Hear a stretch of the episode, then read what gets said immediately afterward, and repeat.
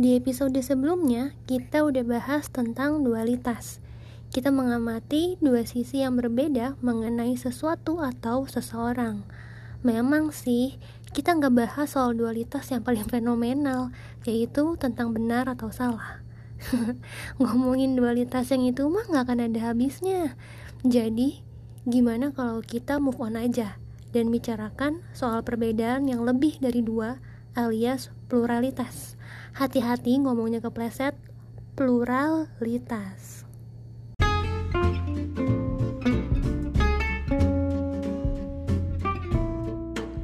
Halo, aku Jojo dan juga Joan.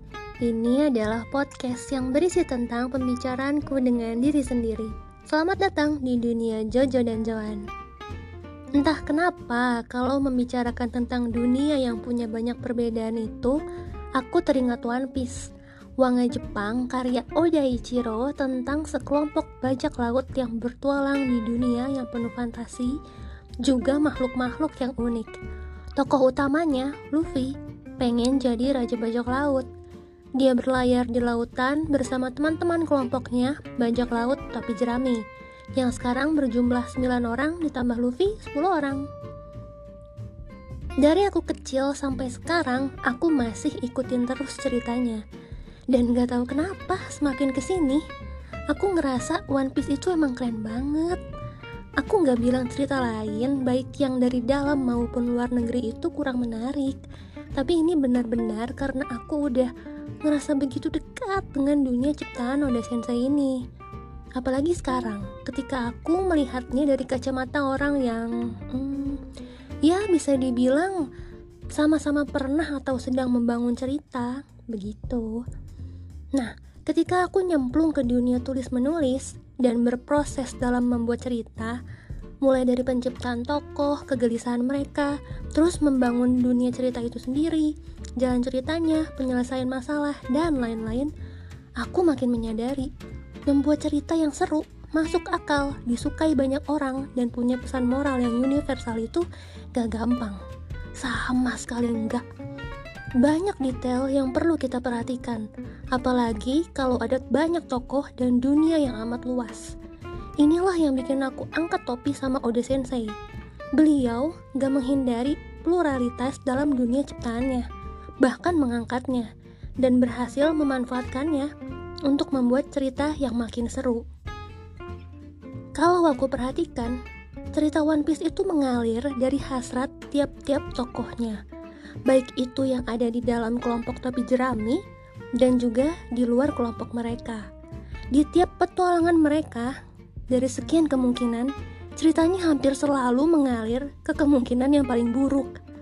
Tapi di situlah serunya. Aku dulu sering anggap Usop dan Nami itu nggak seru, payah, penakut. Huh. Tapi sekarang aku ngerti, mereka itu sama kayak aku. Cuma manusia biasa yang terjebak di satu dunia yang edan banget ditambah punya kapten yang sableng. Belum lagi anggota lain atau bahkan mereka sendiri juga kadang suka bikin masalah. Udah kacau semua kan?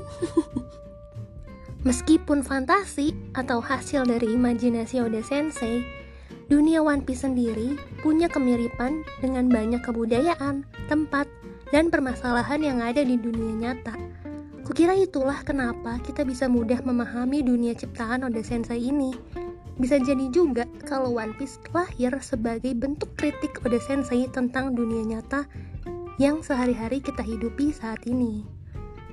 Seperti yang udah aku sebutkan, Oda Sensei mengakui adanya perbedaan, bahkan memanfaatkannya. Dalam dunia One Piece, perbedaan ras diperlihatkan secara gamblang. Ada manusia biasa seperti kita, manusia ikan, duyung, binatang yang hidup seperti manusia, raksasa, kurcaci, manusia kaki panjang, lengan panjang, banyak banget deh. Dan seperti sejarah bajak laut di dunia nyata, penangkapan manusia dari ras lain yang dianggap lebih rendah itu terjadi juga di One Piece. Dalam cerita One Piece, manusia biasa yang seperti kita ini, terutama dari golongan atas atau kelas sosial yang atas, menganggap dirinya lebih tinggi daripada ras yang lain. Manusia ras lain ditangkap, diperjualbelikan untuk dijadikan budak, dan diperlakukan dengan semena-mena. Perang antar suku juga pernah diceritakan di One Piece, dan kritik Oda Sensei tentang dua peristiwa itu diucapkan lewat tokoh-tokohnya. Aku masih ingat ketika mereka nggak sengaja terjebak dalam perang suku di Pulau Langit. Nami pernah bilang begini kurang lebih. Mereka bukan orang jahat. Yang jahat adalah orang yang tidak mau hidup bersama dengan yang lain. Oh ya, mereka yang dimaksud Nami adalah orang yang berbeda suku dengan orang yang lagi diajak bicara. Juga ada kata-kata dari seorang tokoh di luar kelompok topi jerami, Raja Oden dari Wano. Kalian harusnya malu dengan diri sendiri, sebab kalian hanya takut pada apa yang berbeda karena ketidaktahuan. Nah, gimana? Mulai kebayang kan sisi pluralitas yang disorot di manga ini? Kita lanjut di segmen kedua ya.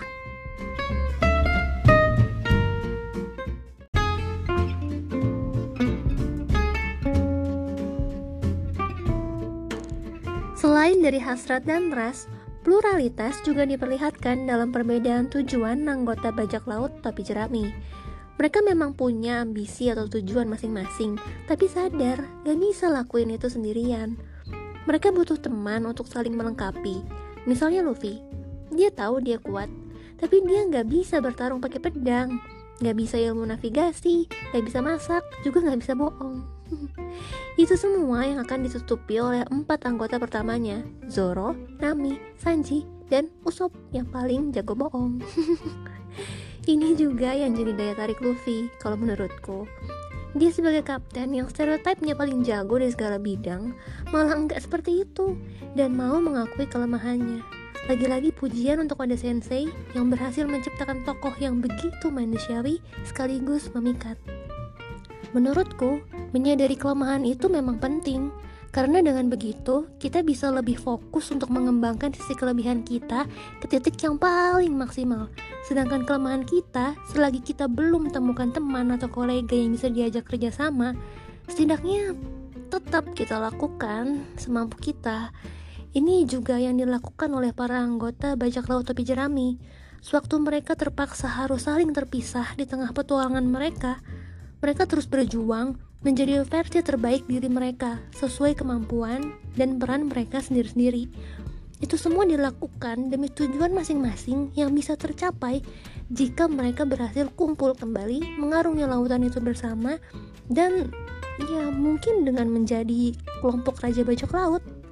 Setelah dijabarkan sedemikian rupa, aku pikir perbedaan itu nggak melulu membawa dampak yang buruk ya Ketika perbedaan gak selalu kita lihat sebagai hal-hal yang bertentangan namun berlainan, bisa jadi yang berlainan itu malah memperkaya kita.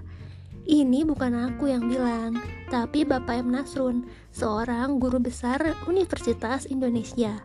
Kata-kata beliau ini menggambarkan perbedaan yang ada di Indonesia dari sudut pandang yang amat positif menurutku. Beliau juga bilang, adanya perlainan itu merupakan rahmat dari Tuhan. Dan ciri-ciri falsafah Indonesia adalah anti dialektika atau istilah yang lebih gampangnya orang Indonesia itu bermufakat, gotong royong, kekeluargaan. Barangkali beliau menyadari adanya perbedaan yang begitu majemuk di negeri kita dan falsafah anti dialektika itu menjadi solusi yang menurutnya paling ideal bagi bangsa ini. Berbeda-beda itu memang selalu membawa tantangan tersendiri, seperti cerita One Piece tadi, kukira Oda Sensei juga ingin menyampaikan pesan bahwa jalan keluar dalam menghadapi pluralitas adalah toleransi. Bisa kita bayangin kalau satu sama lain anggota topi jerami itu gak bisa toleransi, termakan oleh sifat manusia yang serakah, ingin menguasai, menjadi yang paling dalam segala hal, akan sulit juga gak sih buat mencapai tujuan sendiri? Karena bukannya saling membantu, kemungkinan terburuknya malah saling menghancurkan. Memang sih, One Piece adalah dunia ciptaan, hasil dari idealisme seseorang. Tapi menurutku, idealisme akan selalu lahir sebagai kritik, sebagai pengingat ketika dunia nyata semakin bergerak ke arah yang akan merugikan banyak orang. Apalagi sekarang ini, dunia makin kompetitif. Yang sering kali jadi pertanyaanku, kira-kira Dengan memelihara sikap kompetitif ini, apakah kita tetap bisa bekerja sama dengan baik? Apa aja ya kira-kira yang bisa jadi batasan sikap kompetitif dan kerjasama yang sehat itu? Hmm, kayaknya ini akan menarik kalau kita bahas di episode selanjutnya.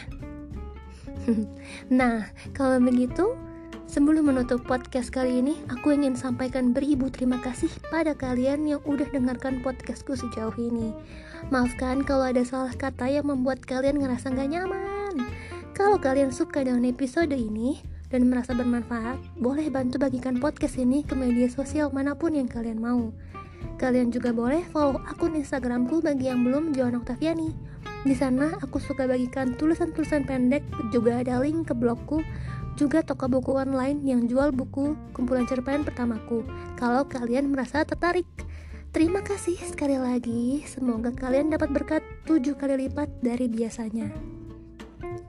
Nenek ompong minta digendong. Kalau minggu depan lowong, mampir lagi dong. Bye bye.